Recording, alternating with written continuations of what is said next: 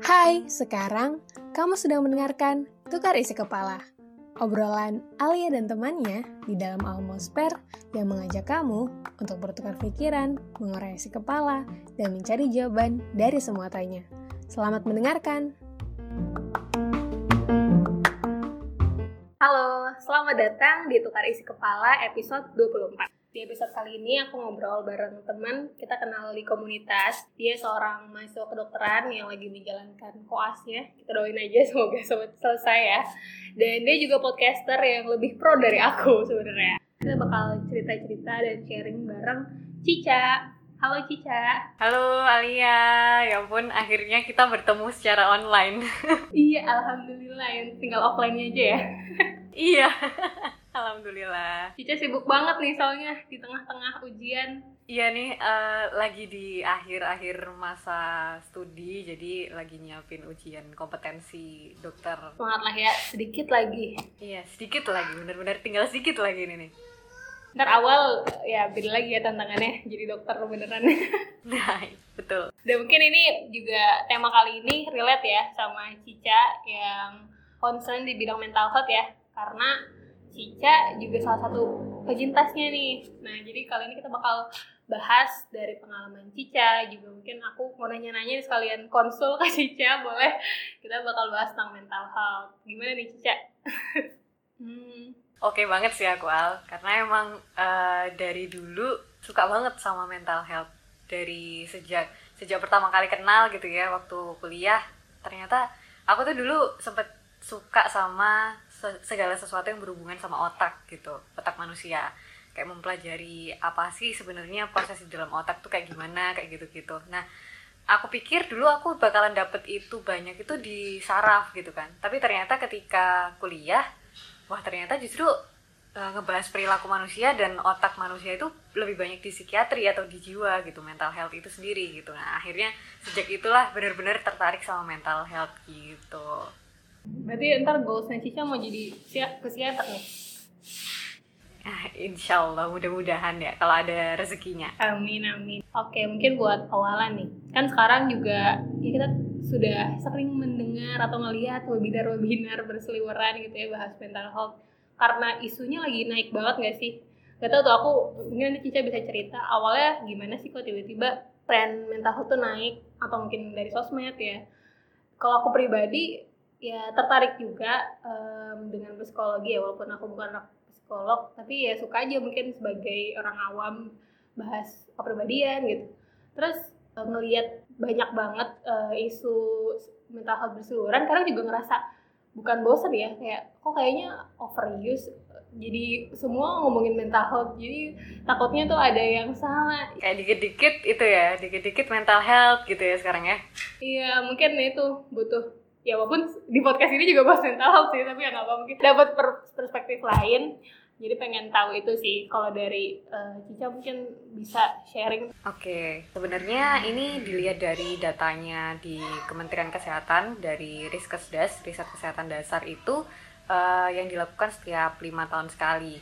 Nah, uh, terakhir itu kita yang kita bandingkan itu 2013 ke 2018. Memang ternyata ada peningkatan yang signifikan tuh dari 2013 yang cuma satu persen uh, keluhan uh, mental health, uh, mental problems atau mental disorders itu cuma satu persen. Sementara di 2018 itu dia meningkat sampai 8 persen. Jadi memang ada peningkatan yang cukup signifikan. Nah, ini pertanyaannya sebenarnya uh, ada dua nih. Apakah memang uh, permasalahan mental health itu yang semakin besar sekarang atau memang orang-orang yang makin sadar gitu kan? Hmm, yeah. jadinya uh, angka terdeteksinya makin tinggi kayak gitu. Nah sebenarnya ini uh, dua hal yang mungkin sampai sekarang pun masih masih belum uh, seberapa jelas ya yang mana yang yang paling utama gitu. Tapi keduanya ini menurutku menjadi dua faktor yang menyebabkan uh, mental health itu sekarang sering banget dibahas. Pertama karena uh, di sosial media. Di sosial media sekarang banyak banget orang-orang yang udah mulai melek tentang uh, oh kalau kita sehat itu nggak cuma sehat fisik aja gitu ya, tapi juga sehat secara pikiran, sehat hatinya, sehat jiwanya gitu. Nah, uh, akhirnya dari situ campaign-campaign yang dilakukan oleh uh, expert-expert ya, banyak sekali kan sekarang uh, uh, apa nih public figure, uh, psikiater, psikolog itu kan banyak banget. Dan beliau-beliau itu memang um, apa nih istilahnya kayak gembar-gemborin ya, apa sih istilahnya? Uh, nge-update terus gitu tentang si mental health ini gitu. Nah, akhirnya orang-orang mulai mulai aware ya, mulai uh, ngerti oh ternyata uh, persoalan persoalan mental health itu bukan sesuatu yang tabu gitu. Nggak dipungkiri bahwa dulu orang yang datang ke psikolog atau ke psikiater itu pasti dibilang wah kenapa nih orang bermasalah? Kayak gitu kan. Atau kalau enggak eh emang kenapa? Gila. Kayak gitu kan. Akhirnya orang tuh stigmanya tuh kalau misalkan orang datang ke psikolog atau ke psikiater itu pasti kalau nggak bermasalah gila atau apa kurang bersyukur kayak gitu ya. Nah itu kan sering banget ya muncul muncul di sekitar kita gitu. Tapi ternyata dengan adanya sosial media itu menjadi sebuah uh, terobosan baru gitu. Akhirnya banyak orang yang mulai aware sama mental health. Tapi di sisi lain ternyata uh, aku sempat baca nih. Kalau misalkan di sosial media sosial media yang sekarang ya utamanya Instagram itu membuat bisa menjadi salah satu pemicu kenapa uh, anak-anak sekarang uh, ya orang-orang seusia kita gitu ya itu sering banget punya uh, eh, self esteem yang rendah. Karena uh, akhirnya kita itu sering banget ngelihat orang dari luarnya aja gitu kan. Kita sering banget tuh terpapar dengan segala informasi orang. Misalkan oh dia udah punya anak oh dia udah menikah oh dia udah S2 oh dia penghasilannya udah apa dia udah punya rumah kayak gitu kan. Nah itu akhirnya orang-orang uh, tuh mulai punya ngerasa kok aku belum sampai sana ya? gitu. Akhirnya uh, kecemasan-kecemasan seperti itu sering kali muncul. Terus akhirnya juga uh, sering kali membandingkan diri sendiri dengan orang lain hingga akhirnya self worthnya atau bagaimana dia menghargai di, dirinya sendiri itu semakin turun gitu. Nah dari situ juga bisa menjadi faktor akhirnya uh, muncul juga tuh banyak keluhan-keluhan uh, mental health kayak gitu. Sebenarnya awalnya dari situ. Tapi sebenarnya yang uh, perlu aku tegaskan lagi adalah mental health itu adalah uh, sebuah uh, apa ya dia nggak bisa dibilang penyebabnya itu satu gitu. Kalau misalkan uh, covid kan penyebabnya virus gitu ya satu. Tapi kalau misalkan kita ngomongin tentang mental health penyebabnya itu nggak bisa kita bilang cuma satu. Tapi ada faktor namanya biologis psikologis dan juga sosial. Bahkan sekarang ada yang bilang uh, ini juga religion atau uh, spiritualism itu juga berpengaruh terhadap uh, mental health seseorang. Jadi biologis itu dari uh, aspek genetiknya dia, keturunannya dia, bagaimana, apakah dia punya faktor bawaan itu dari keluarganya, kemudian uh, dari aspek psikologis, bagaimana dia dibesarkan, bagaimana dia ketika kecil itu uh, berinteraksi dengan orang lain, bagaimana dia diasuh ketika kecil, kemudian sosial itu bagaimana lingkungan sekitarnya dia, apakah suportif dengan dia atau tidak, kayak gitu. Nah, tapi tidak dipungkiri juga orang-orang yang punya uh, istilahnya nih kayak kita ngeliatnya oh keluarga dia baik-baik aja, prestasi di sekolah tuh juga baik-baik aja. Terus um, pokoknya semuanya dalam hidupnya itu balance gitu. Tapi kenapa kok dia ternyata mengalami uh, permasalahan mental health? Ya karena ternyata faktor biologis itu adalah faktor yang paling besar yang bisa menyebabkan seseorang mengalami uh, mental problems atau mental disorders kayak gitu. Gitu sih Al. Hmm Oke, mungkin ini juga uh, Cica juga bisa sharing ya dari pengalaman Cica. Awalnya aku jujur kaget sih, Hah, Cica uh, emang sakit apa gitu? Mungkin pas awal baru kenal ya, terus melihat kamu sharing-sharing apa tentang uh, kamu sempat didiagnosa atau mungkin gimana Cica bisa mulai cerita gitu? Karena ya menariknya gitu Cica mahasiswa kedokteran juga jadi mempelajari ilmunya dan sekaligus penyintas pasti kan banyak hikmah yang bisa kamu dapetin gitu dari dua hal itu bener bener banget iya. Uh, aku tuh sebenarnya dulu itu pertama kali ngerasain kalau misalkan aku nggak baik-baik aja itu dari 2017an lah. Nah itu aku mulai sering kayak hilang fokus terus mulai sering ngerasa kayak kok aku nggak bisa se perform dulu ya? gitu. Kalau misalkan ngapa-ngapain tuh kayak glambiar gitu istilahnya. Kalau orang Jawa ya kayak konsentrasinya tuh nggak nggak nggak nggak fokus gitu terus uh, sampai sering kali aku uh, sempet tiga kali itu aku kecelakaan. Kecelakaan mobil dan uh, itu semua karena aku sendiri yang hilang fokus gitu. Dan aku sebenarnya apa ya kayak in the in the moment itu aku sebenarnya kayaknya aku fokus gitu. Tapi ternyata aku nggak uh, di situ gitu dan tiba-tiba udah kejadian gitu aja gitu terus uh, itu alarm nomor satu. Alarm nomor dua adalah aku tuh sering banget masuk IGD karena uh, gastritis ya kalau orang-orang ini ya. Jadi lambung mah gitu kalau orang-orang bilang juga ya. Gastritis atau GERD gitu. Jadi kerasa kebakar di uh, apa dada terus uh, kerasa nggak enak lah perutnya begah kayak gitu. Dan itu sering banget sering banget berulang sampai akhirnya aku tuh uh, pas tahun 2018 aku dapat kan karena aku mahasiswa kedokteran ya aku dapat obat. Uh, obatnya ini kok nggak biasa gitu. Biasanya tuh paling aku dikasihnya obat-obatan yang memang khusus untuk lambung gitu ya. Tapi ternyata aku dikasih obat yang namanya nih kok uh, jarang aku dengar gitu ya. Waktu aku cari ternyata ini obat untuk ada istilahnya dia mengobati psikosomatik. Jadi obat yang uh, memang untuk uh, mengobati lambung tapi juga kalau misalkan ada uh, keluhan psikologis yang muncul itu uh, juga bisa diredam nih dari dari obat itu kayak gitu. Terus aku mulai bertanya-tanya lagi nih ini alarm nomor dua nih akhirnya wah ini kenapa nih diriku? Gitu kan. Sampai akhirnya yang ketiga yang ketiga tuh ini paling parah sih al. Uh, paling parah tuh waktu itu sebenarnya aku dapet uh, kesempatan untuk exchange ke luar negeri. Waktu itu ke salah satu negara di Asia terus aku tuh udah pokoknya semuanya itu udah diurus. Udah akomodasi udah diurus uh, terus um, biaya di sana. Pokoknya semuanya udah ditanggung sudah aku tinggal berangkat aja gitulah. Nah itu acara mahasiswa kedokteran gitu tapi ternyata ketika aku mau berangkat aku ketakutan sendiri bener-bener setakut itu sampai dadaku berdebar-debar sampai keringet dingin sampai aku nangis-nangis sendiri. Karena aku cuma takut aku naik pesawat. Hmm, tapi sebelumnya pernah pernah naik pesawat kan? Pernah naik pesawat pernah naik pesawat. Tapi uh, waktu itu entah kenapa aku membayangkan aku takut mati ketika aku naik pesawat itu gitu. Aku membayangkan kalau misalkan aku berangkat terus nanti aku uh, udah saying goodbye gitu ya ke keluargaku terus akhirnya aku meninggal gitu. Dan akhirnya aku beneran menggagalkan dong aku nggak berangkat itu nggak nggak aku ambil akhirnya exchange-nya.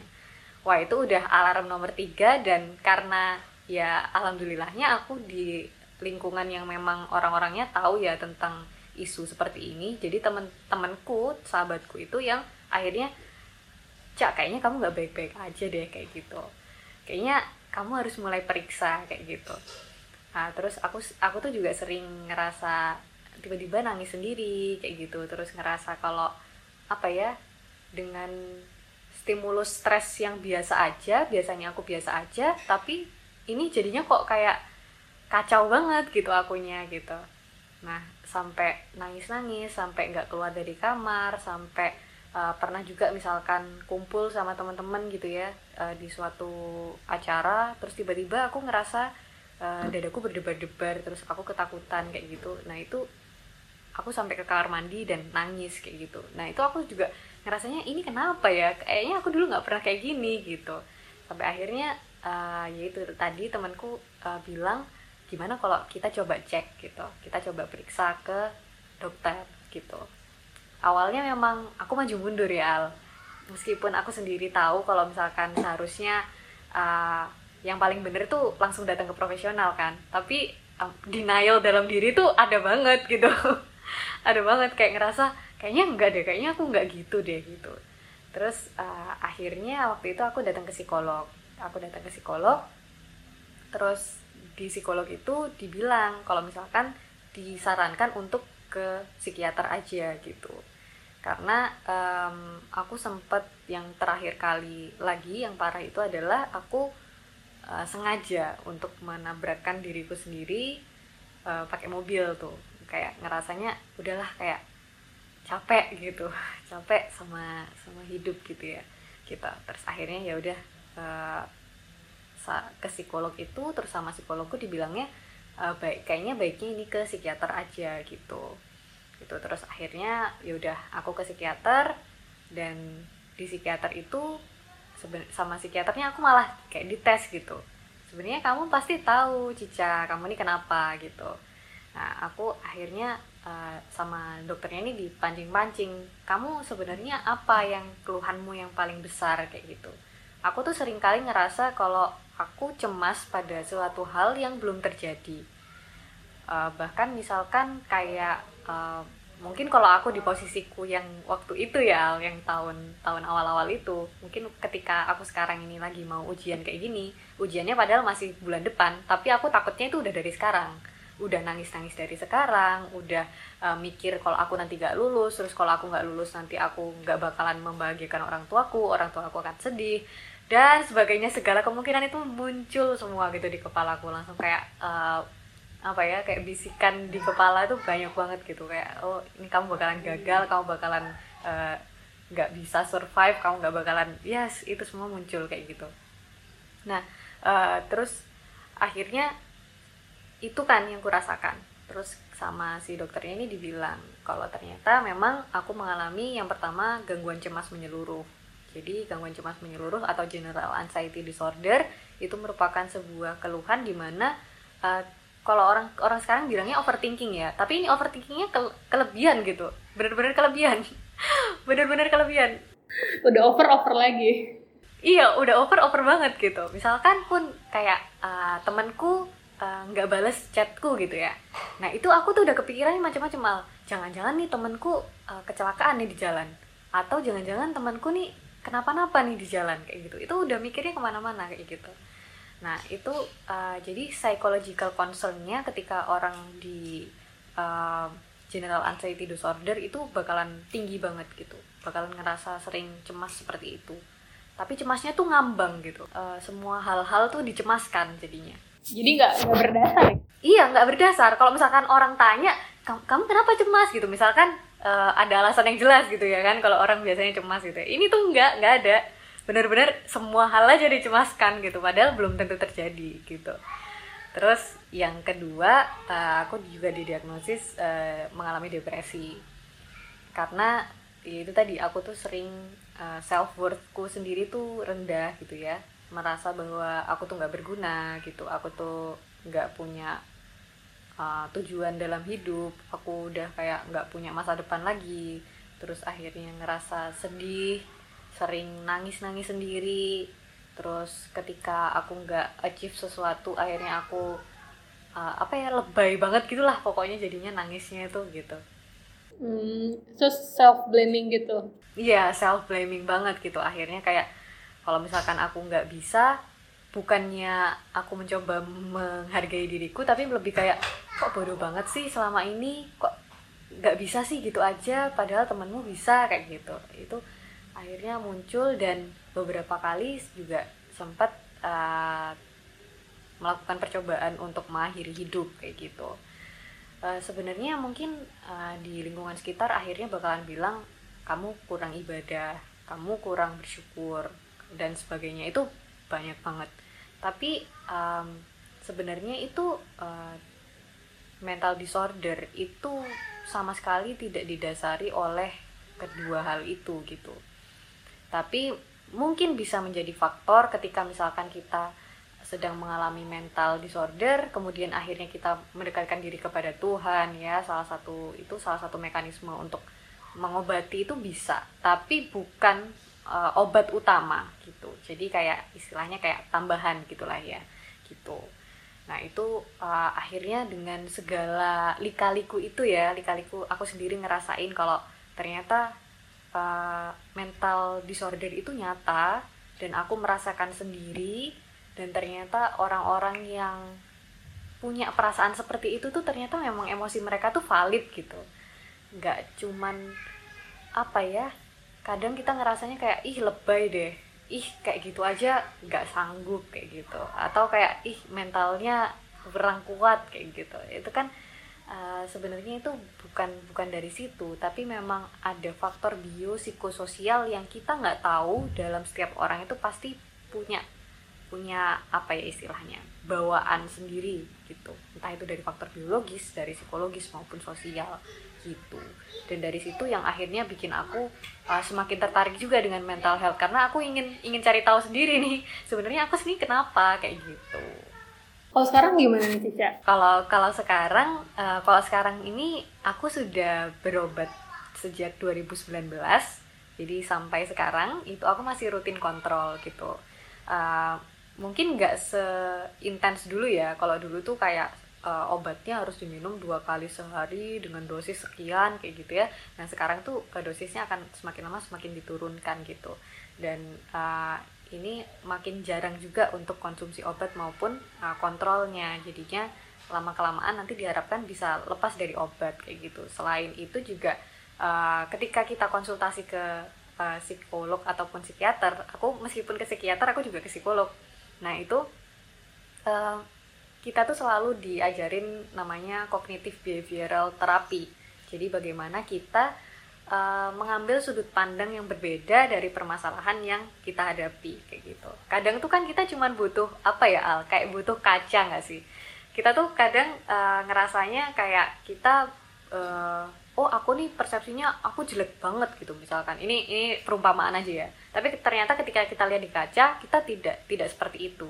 Nah kadang kita tuh butuh orang lain sebagai kacanya kita untuk melihat bahwa oh permasalahanmu itu bukan bukan seperti itu kok. Ada sudut pandang yang lain nih sebenarnya ada perspektif yang lain yang bisa uh, digali dari sebuah masalah kayak gitu. Nah itu yang dijadikan terapi juga uh, untuk mental health gitu. Jadi bagaimana kita merubah sudut pandang supaya eh, nggak uh, terus menerus misalkan permasalahannya adalah self blaming ya biar orangnya nggak terus menerus menyalahkan dirinya sendiri kayak gitu. Gitu.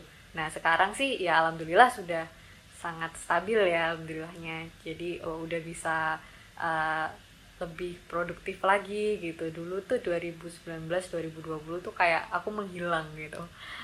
Itu kayak 2000, 2019 sih terutama. Itu aku kayak menghilang dari jagat sosmed gitu. Karena aku bener-bener capek ya kadang tuh. Capek juga gitu kan dari sosial media. Mungkin kan overwhelm gitu ya banyak campaign mungkin yang sosial media detox gitu. Dan itu ngaruh juga kan kita aku juga ngerasain kayak seminggu aja kami sosmed kerasa banget sih lebih freshnya gitu. Iya kadang kita yang butuh istirahat dari itu sih ya. Karena terlalu banyak informasi yang masuk dan sebenarnya kita nggak perlu. Betul betul banget betul ini aku pernah pernah baca nih dari uh, salah satu kutipan di buku. Itu otak manusia itu yang dulu sama yang sekarang itu kan sama ya. Kita sama-sama manusia tapi manusia yang dulu itu dapat informasi ya udah cuman sekedar yang mereka perlu gitu yang mereka lihat sehari-hari. Sementara kita dalam genggaman kita itu sekarang kita bisa ngelihat bahkan di Shanghai di USA sekarang sedang terjadi apa tuh kita bisa tahu gitu. Dan kita overwhelmed dengan itu semua itu juga bisa membuat kapasitas otak kita yang sama. Itu jadinya ya kita di kebanjiran berita kebanjiran segala sesuatu gitu ya. Jadi nggak baik juga sebenarnya. Oke oke. Jadi secara nggak sadar malah ngancurin dari dalam kita sendiri gitu ya mas. Oke oke. Betul betul. Tapi bukan berarti kalau cari tahu tuh salah ya. Asal kita punya kontrol dan remnya aja gitu. Iya. Justru itu sih yang uh, sekarang tuh gimana kita bisa kontrol dan lebih dari kita sendiri tuh kita tahu apa tujuan kita misalnya sosmed oh kita tahu mau nyari ini uh, karena sekarang kan lebih seringnya kita disajikan disediakan langsung gitu tanpa harus memilih sendiri gitu. Udah dipilih kan kayak konten-konten di YouTube udah ada algoritmanya kan? Itu kan dipilih kan bukan kita yang nyari sendiri gitu. Iya betul. Mungkin aku mau nanya ini si Cica uh, pas kamu lagi terapi gitu dikasih tahu nggak sih atau mungkin dianalisis kira-kira hmm, penyebabnya atau mungkin ada yang masalah-masalah um, yang jadi faktor resiko kayak gitu ada nggak sih pas proses terapi itu? Pasti ada tuh, pasti ada. Jadi uh, memang ketika kita datang ke psikolog atau ke psikiater itu tentu saja kita bakalan uh, itu ada ada istilahnya ya dalam psikologi itu namanya katarsis. Jadi ketika seseorang itu uh, bercerita itu lama kelamaan itu uh, bisa keluar semuanya gitu. Perlahan-lahan akan keluar, keluar, keluar sampai akhirnya kegali akar masalahnya itu apa gitu sebenarnya gitu. Dan akar masalah tiap orang kan pasti beda-beda ya. Ada juga yang mungkin dia ada permasalahan di uh, percintaan mungkin. Itu bukan suatu hal yang remeh loh ya. Mungkin kita ngelihatnya hal yang remeh kayak ah apa sih cuman uh, putus cinta tapi uh, kok lebay banget gitu. Enggak. Ada orang yang memang mengalami hal seperti itu dan itu uh, memberatkan mereka sekali gitu ada terus misalkan mereka permasalahannya ada di keluarga misal keluarga yang broken home seperti itu itu bisa juga gitu Nah, akhirnya kalau misalkan kita konsultasi ke psikiater maupun ke psikolog, itu kita akan dibantu untuk mencari sebenarnya akarnya tuh apa sih? Sebenarnya kita tuh kenapa bisa seperti ini kayak gitu. Uh, dengan dibantu seperti itu, itu arah pikiran kita tuh nggak nggak kusut gitu ya. Ini dibantu untuk menguraikan satu persatu benangnya.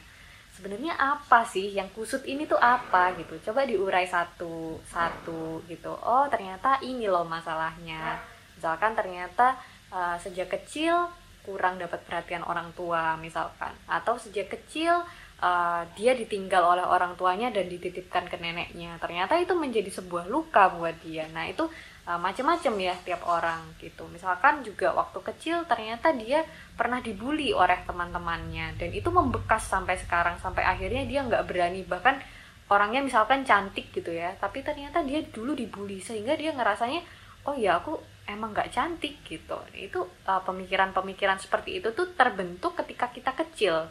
Terbentuk ketika kita kecil akhirnya ya udah ke bawah aja tuh sampai dewasa kayak gitu tidak menutup kemungkinan juga kalau misalkan ketika ternyata sudah dewasa ada permasalahan besar yang terjadi dan akhirnya terjadilah permasalahan kesehatan mental seperti itu. Sebenarnya kesehatan mental sangat luas ya kalau dibahas penyakitnya satu persatu mungkin uh, jadi dua hari lebih kayaknya ya. Iya, jadi SK berapa SKS gitu ya kuliah umum sama Cica. Iya. Oke oke. Nah mungkin sekarang kan yang yang banyak dihindari dan ditakuti kan kalau kita sampai self diagnose gitu ya. Dengan banyaknya konten berseliweran yang mungkin ada aja yang nggak um, valid atau sekedar kita ngerasa cocokologi gitu. Eh iya kayaknya aku ngalamin ini juga nih gitu. Terus kira-kira apa sih um, toolsnya buat kita nih yang misalnya ngerasa ada keluhan tapi juga kalau kamu kan tadi mungkin ada alarm beberapa kali ya sampai tiga kali yang akhirnya om teruskan kayaknya ada yang nggak baik nggak baik-baik aja nih baru kamu ke psikolog sama psikiater. Cuma kalau buat teman-teman yang lain gini mungkin ngerasa ada keluhan tapi nggak yakin juga. Jadi buat menghindari self diagnose nih kira-kira harus gimana nih? How to nya? Untuk menghindari self diagnose tentu saja jawabannya yang pertama adalah datanglah ke profesional itu adalah jawaban yang sudah mutlak ya. Kita nggak bisa tuh. Kalau misalkan memang mau mendapatkan diagnosis tentu saja kita harus datang ke profesional. Entah itu ke psikolog maupun ke psikiater sama aja. Bedanya cuman pendekatannya aja. Kalau misalkan psikiater nanti pendekatannya dengan uh, terapi farmakologis atau obat-obatan sedangkan ke psikolog mungkin nanti terapinya lebih ke uh, cognitive behavioral terapi ataupun juga uh, bagaimana kita melihat sudut pandang sudut pandang itu tadi. Jadi biasanya psikolog itu membantu kita mengakses uh, sudut pandang sudut pandang yang berbeda kayak gitu. Nah uh, memang kita tuh sekarang lebih sering ya kayak misalkan ada orang suka cuci tangan berkali-kali terus suka nata hal kecil-kecil rapi-rapi akhirnya dibilang wah OCD ya lu kayak gitu. Terus kalau misalkan dia uh, dikit-dikit uh, stres dikit terus dibilang aduh aku depresi kayak gitu sebenarnya itu kata-kata uh, yang akhirnya takutnya disalahgunakan gitu ah ini ada juga nih Al healing. Oh ya healing, terame banget sih. iya kan, semua orang bilang kalau misalkan jalan-jalan uh, terus liburan itu adalah healing gitu. Waduh itu kacau banget sih, itu kacau banget. Aku waktu itu sama psikologku tuh uh, waktu kita lagi ngobrol, terus waktu itu lagi hits-hitsnya tuh eh, kata-kata healing. Ya, itu kita ngerasanya ini salah banget nggak sih mbak? Kalau misalkan istilah healing itu dibuat seolah-olah jalan-jalan itu uh, jadi healing gitu. Padahal healing healing itu tuh bukan seperti itu ya. Healing tuh bukan bukan kita lari dari kenyataan kemudian ya kita uh, pergi ke mana kayak gitu tuh nggak nggak bisa seperti itu. Kalau misalkan memang mengistilahkan healing itu ya healingnya adalah datanglah ke psikolog atau psikiater supaya mendapatkan uh, terapi yang sesuai kayak gitu. Terus uh, supaya nggak self diagnose lagi adalah jangan buru-buru ngejudge sesuatu terhadap diri kita. Kadang kita tuh kayak uh, kalau sama diri kita tuh jahat banget gitu ya. Kadang kadang kalau misalkan salah dikit aja ih bodoh banget sih kayak gitu. Padahal ya enggak kan. Padahal kalau orang lain ngelihatnya enggak kok kan cuma salah dikit kayak gitu. Nah kadang itu kita uh, ada bias seperti itu dalam diri kita yang akhirnya membuat kita ngerasanya oh kayaknya aku nih udah depresi deh. Oh kayaknya aku nih udah OCD deh kayak gitu. Uh, saranku jangan jangan terus menerus akhirnya mencari informasi di internet. Karena kadang itu uh, kalau kita nyari di internet batuk lama gitu ya akhirnya muncul di internet anda mengalami kanker paru-paru gitu kan. Iya kan? Karena itu masih dasar banget. Iya gitu. Nah itu kita kan nggak bisa ya kita sebagai uh, orang awam gitu ya kita nggak bisa. Kalau misalkan kita yang memutuskan kita terdiagnosis apa maka baiknya adalah yaitu tadi datanglah ke profesional datanglah ke psikolog maupun ke psikiater supaya uh, nggak uh, self diagnose gitu dan uh, dikurang-kurangin juga kayak misalkan kita nge ngatain orang lain gitu. Kayak ih apa sih lu? Apa uh, anxious banget orangnya anxiety ya lu? Kayak gitu. Aduh nggak nggak nggak cocok nggak cocok nggak cocok nggak cocok. Sebelum dapat yang valid gitu ya dari profesional diagnosanya. Aku ada pertanyaan lagi nih. Kan banyak stigma-stigma yang sering kita dengar dan itu sebenarnya um, ya emang stigma aja gitu cuma omongan orang stereotype gitu. Cuma aku jadi penasaran gitu apakah emang or orang yang punya uh, gangguan mental itu mentalnya lembek? Sebenarnya mental kuat atau lemah itu kayak gimana sih? Maksudnya kayak apakah itu berdasarkan ketahanan dia resiliensi dia atau sebenarnya apa gitu definisi dari mental kuat? Atau mungkin balikin ke mental uh, definisi mental sehat ya? Itu sih yang aku masih ngerasa uh, bingung gitu. Oke, okay. ah ya kalau misalkan kita lihat uh, dari definisinya WHO ya, seseorang yang dikatakan sehat itu adalah seseorang yang sehat secara fisik, secara mental, kemudian dia juga bisa uh, bersosialisasi dan dia bisa produktif kayak gitu. Nah itu definisi sehat tuh, sehat yang utuh gitu ya. Nah, ketika seseorang akhirnya dikatakan kalau dia itu uh, ada gangguan mental, berarti yang yang sering kali terjadi adalah uh, dia nggak bisa berfungsi secara baik di lingkungannya dia. Berfungsi dalam hal ini misalkan nih, uh, activity daily livingnya dia udah terganggu.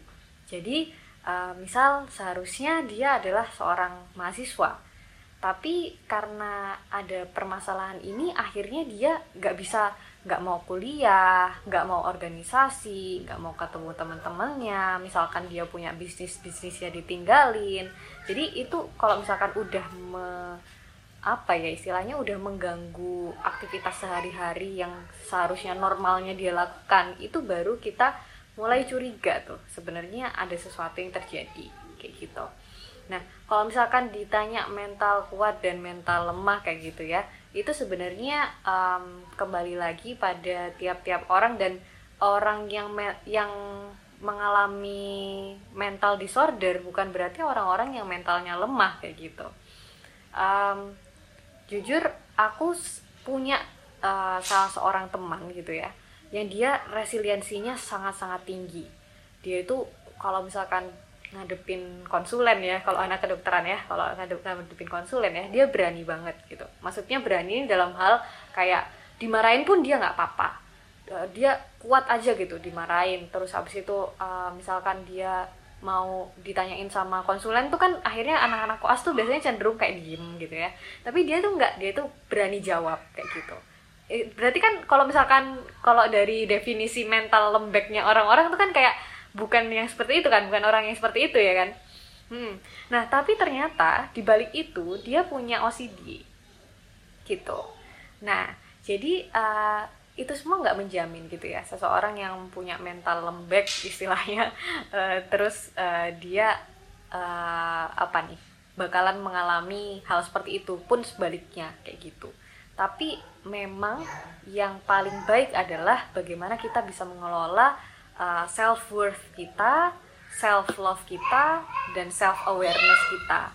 Self worth kita itu muncul ketika kita mulai menghargai diri kita sendiri. Jadi kalau misalkan kita mulai tahu nih sebenarnya apa sih kelebihanku, apa sih kekuranganku dan akhirnya kayak oh iya ya ternyata meskipun aku ini punya kekurangan aku tetap punya loh uh, peran di dalam kehidupanku kayak gitu. Nah ketika self love itu sudah muncul eh self worth itu sudah muncul maka akan muncul self love kita akan cinta pada diri kita sendiri. Sebenarnya kita uh, di dunia tuh nggak bisa ya gantungin sama orang lain ya kecuali uh, Tuhan ya kan. Tapi uh, kita bisa yang bisa kita andalkan ya diri kita sendiri. Makanya yang paling penting adalah bagaimana kita bisa self love bagaimana kita bisa cinta sama diri kita sendiri ya, self love itu munculnya dari mana? Ya ketika kita sudah bisa menghargai diri kita itu tadi gitu. Nah akhirnya kita uh, cintanya tuh dalam artian bukan berarti akhirnya kayak uh, narsistik itu enggak ya tapi lebih kayak oh misalkan aku nggak uh, bisa nih ngelakuin sesuatu akhirnya aku rasanya oh iya ya aku kayak gini tuh mungkin it's just a bad day not a bad life kayak gitu misalkan. Nah gitu. Itu akhirnya uh, eh, self love lama kelamaan akan muncul gitu ya. Bagaimana kita bisa menghargai diri kita juga. Nah akhirnya ketika itu muncul maka self awareness itu juga akan muncul. Bagaimana kita bisa punya alarm itu tadi ketika kita mengalami hal-hal yang kurang sesuai dengan yang kita harapkan. Jadi kan sebenarnya definisi stres itu ya, definisi stres itu adalah ketika uh, ekspektasi tidak sesuai dengan realita gitu. Nah, kalau misalkan si stres ini muncul dan kita punya self awareness yang bagus gitu ya, kita akan lebih mudah meregulasi emosi kita. Kita akan lebih mudah untuk um, apa ya, merespon. Kalau misalkan dari buku filosofi teras ya, mungkin Alia udah baca juga uh, ada ada cara kita supaya kita tuh bisa merespon dengan baik uh, bagaimana kejadian-kejadian yang tidak kita inginkan kayak gitu. Nah ini maksud maksudku bahas ini adalah uh, untuk menanggapi tadi yang dibilang mental kuat dan mental lemah itu sebenarnya mungkin itu sangat subjektif ya uh, istilah itu ya. Tapi uh, ini kita bisa menumbuhkan mental yang kuat itu dengan cara dengan cara ini nih. Salah satu caranya adalah uh, ketika terjadi segala sesuatu selalu lakukan namanya star jadi uh, pernah dengar gak Al di bukunya filosofi teras tuh aku belum. Aku baca buku yang lain ya dari mana piring oh baca buku yang lain oke. Okay. uh, kalau misalkan di filosofi teras tuh uh, star itu yang pertama adalah ketika terjadi sesuatu kita stop dulu. Jadi ketika misalkan nih uh, tiba-tiba ada orang di jalanan marah-marah sama kita. Misalkan dia kerasa kayak dia hampir keserempet sama kita. Terus mbak gimana sih? Nggak lihat apa? Nah itu kita yang pertama kita lakukan adalah stop dulu. Stop yang kita uh, mau kita katakan mau kita lakukan kita stop dulu. Habis itu kita think. Yang kedua adalah T think kita berpikir kenapa si orang ini uh, tiba-tiba marah seperti itu?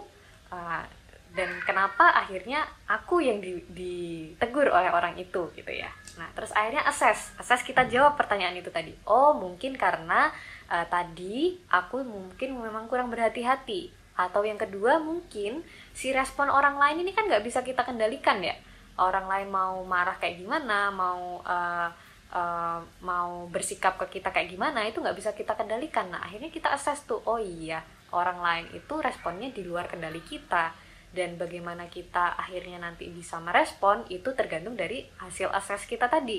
Nah, akhirnya ketika kalau kita tuh udah ngasih jeda ya, sebenarnya kita tuh cuma butuh jeda gitu. Ketika ada sesuatu hal yang uh, stresor yang muncul itu kita cuma butuh jeda untuk stop, think, assess dan akhirnya barulah kita react. Bagaimana kita bereaksi terhadap peristiwa itu.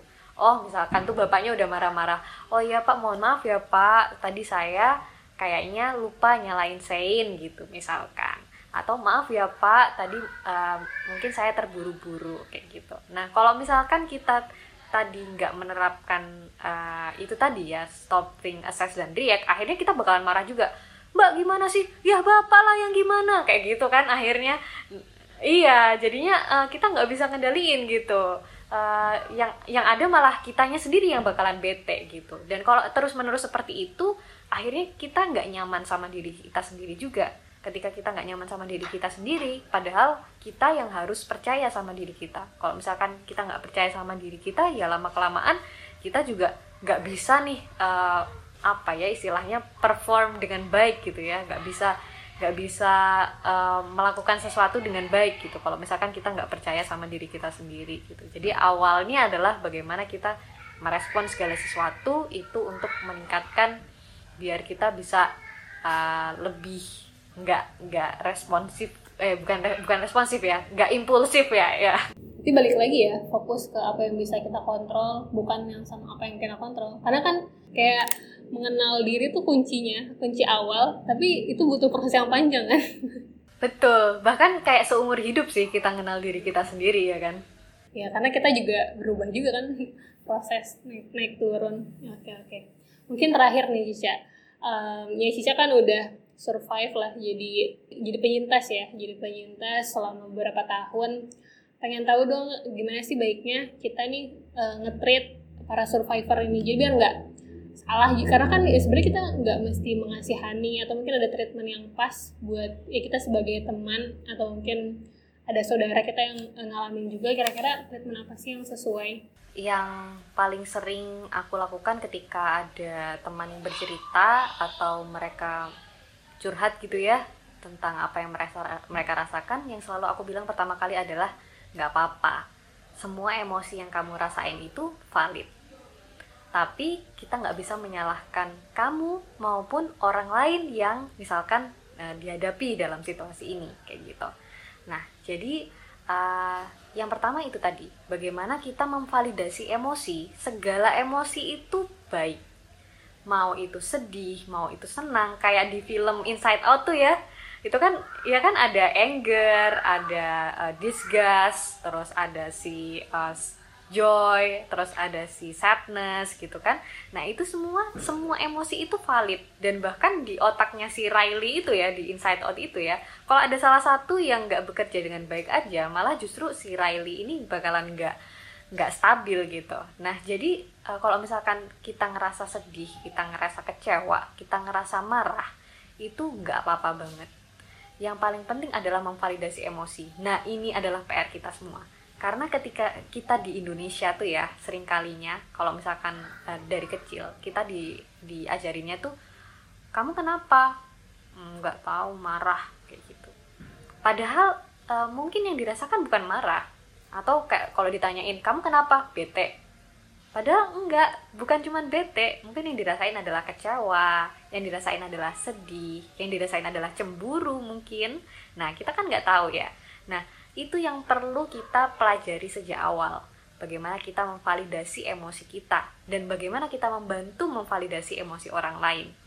Nah terus akhirnya yang kedua adalah bagaimana kita menganggap bahwa segala sesuatu yang ada di dunia ini itu um, itu tadi ya sempat dimention sama Alia juga. Ada yang dalam kendali kita dan ada yang di luar kendali kita.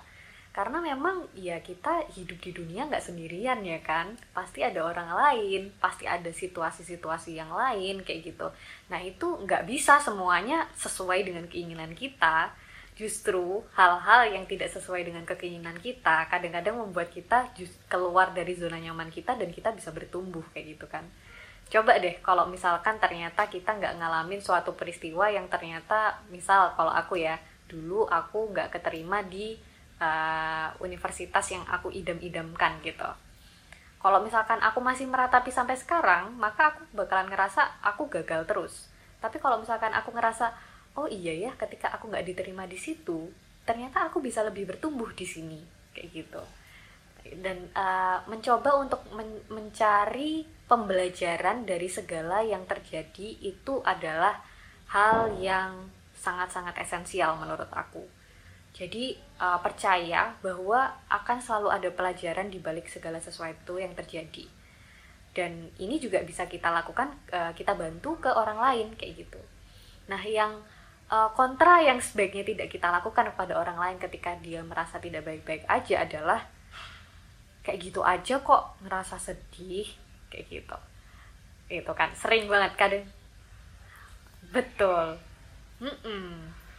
akhirnya kan kita ngerasanya kayak loh kok aku salah ya punya perasaan seperti ini? Kayak gitu. Nah akhirnya emosinya nggak nggak tervalidasi itu nah ketika emosi tidak tervalidasi itu akhirnya jadinya bakalan seperti itu. Justru kurang baik untuk diri kita sendiri. Ya itu tadi ya. Kalau dari aku pertama uh, bagaimana kita memvalidasi emosi kemudian bagaimana kita mengetahui bahwa ada hal-hal yang bisa kita kendalikan dan nggak bisa kita kendalikan kemudian bagaimana kita merespon orang lain dan yang ketiga adalah be kind. Be kind to ourselves dan be kind to others jadi kita nggak pernah tahu setiap orang tuh sedang mengalami cobaan apa sedang mengalami kondisi apa. Kita tuh nggak pernah tahu. Tapi uh, kalau misalkan kita selalu berbuat baik buat diri kita sendiri dan ber, berlaku baik untuk orang lain pasti itu juga akan sangat membantu orang lain kayak gitu ya. Ya mungkin uh, kita kadang ada luput-luputnya gitu ya. Kadang luput uh, kita uh, misalkan lagi moodnya kurang baik akhirnya melakukan segala sesuatu yang salah kayak gitu. Ya tapi uh, sebisa mungkin kita tuh selalu uh, be kind. Jadi baik buat orang lain jadi baik buat diri kita sendiri kayak gitu. Terus yang terakhir adalah aku selalu suka filosofi ini al. Jadi uh, filosofi ini tuh um, bagaimana kita menempatkan diri kita bagaikan sebuah gelas jadi kita itu layaknya sebuah gelas dan segala sesuatu yang terjadi dalam hidup itu layaknya tetes-tetesan air. Nah kalau misalkan nih kita kita gelas ini terus diisi sama tetesan air satu tetes satu tetes satu tetes selama kelamaan akan penuh. Tapi ketika kita uh, mencoba untuk menemukan gelas yang lain gelas yang lain ini adalah orang orang lain kita akan membagikan air yang ada di dalam gelas kita kepada orang lain. Maksudnya gimana? Jadi ketika kita mengalami segala sesuatu kadang kita itu butuh berbagi kok sama orang lain. Jangan semuanya dipendem sama diri sendiri. Kita adalah makhluk sosial. Dari dulu dari uh, bagaimana Tuhan menciptakan kita kita diciptakan bahwa kita adalah makhluk sosial. Kita selalu butuh orang lain. Dan itulah kenapa akhirnya kita butuh untuk bercerita ke orang lain entah itu senang entah itu sedih. Ya itu tadi semua tetesan air di dalam gelas itu akhirnya kita butuh cari gelas yang lain. Tapi akhirnya pertanyaannya gini mungkin ya. Kan kamu punya gelas terus gelasmu bisa penuh. Kalau misalkan orang lain cerita ke kamu gelasnya nggak ambiar gitu. Ya kita ambil gelas yang baru dong. Kita ambil gelas yang baru. Kita menyediakan gelas untuk berbagi dengan orang lain. Kita mendengarkan orang lain kayak gitu ya. Uh, berusaha untuk selalu ada untuk orang lain. Uh, kita pasti punya orang yang benar-benar bermakna dalam hidup kita. Dan pesanku adalah bagaimana kita tetap menjaga itu menjaga mereka uh, sebagaimana kita ingin dijaga oleh mereka gitu. Jadi ya kalau bisa kita selalu ada gitulah. Untuk orang-orang yang memang kita sayangi dan selalu selalu ada untuk orang-orang yang disayangi oleh kita kayak gitu. Jadi ya apa ya hubungan timbal baliknya itu harus ada kayak gitu. Gitu sih Al. Dan tadi dapat filosofi yang menarik banget.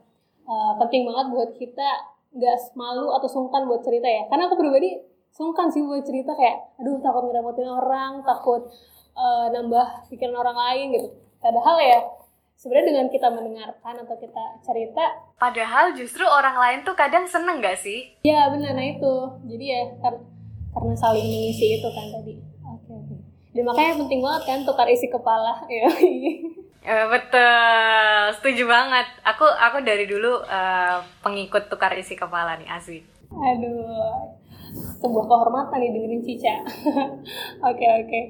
Mungkin terakhir nih Cica udah karena udah lumayan lama kita hampir sejam ngobrol. Uh, mungkin Cica punya pesan-pesan. Tadi udah udah banyak banget sih Cica ngasih pesan. Mungkin pengen promo apa gitu? Konten-konten Cica juga worth it lah buat diikutin.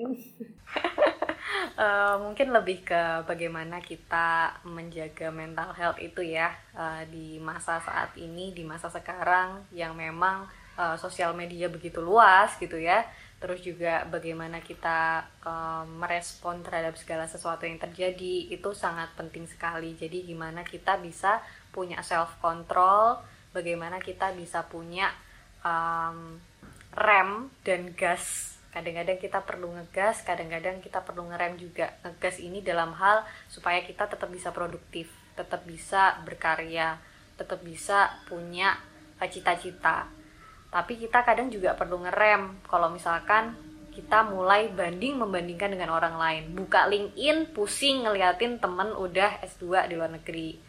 Buka Instagram pusing lihat apa udah udah dapat pencapaian apa kayak gitu kan.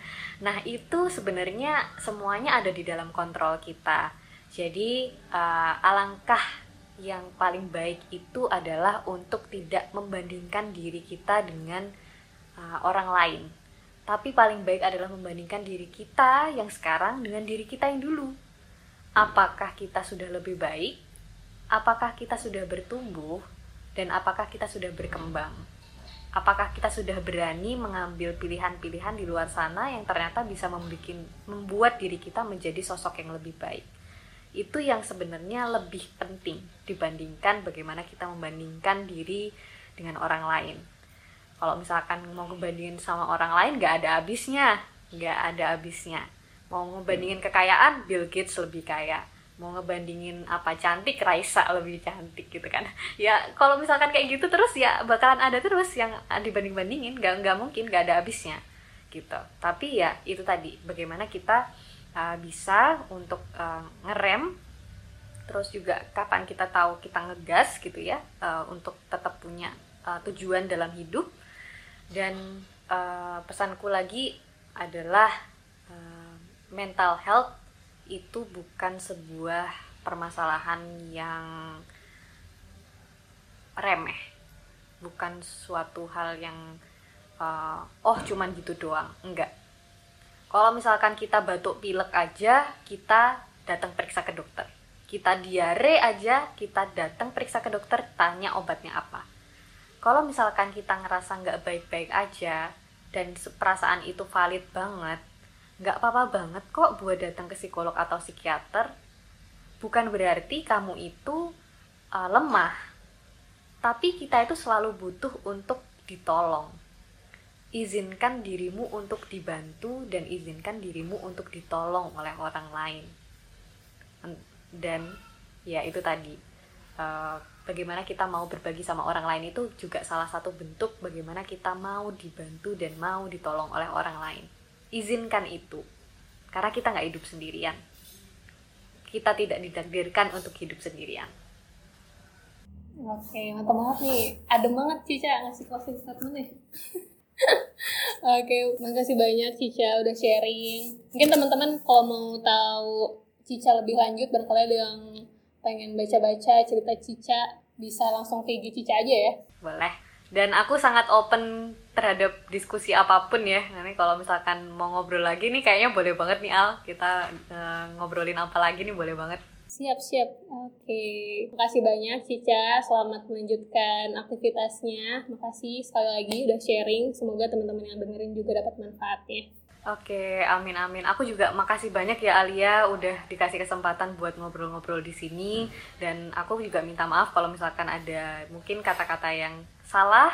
Kalau misalkan nanti pun ada yang uh, kurang tepat juga boleh banget dikoreksi dan karena aku juga masih belajar kayak gitu.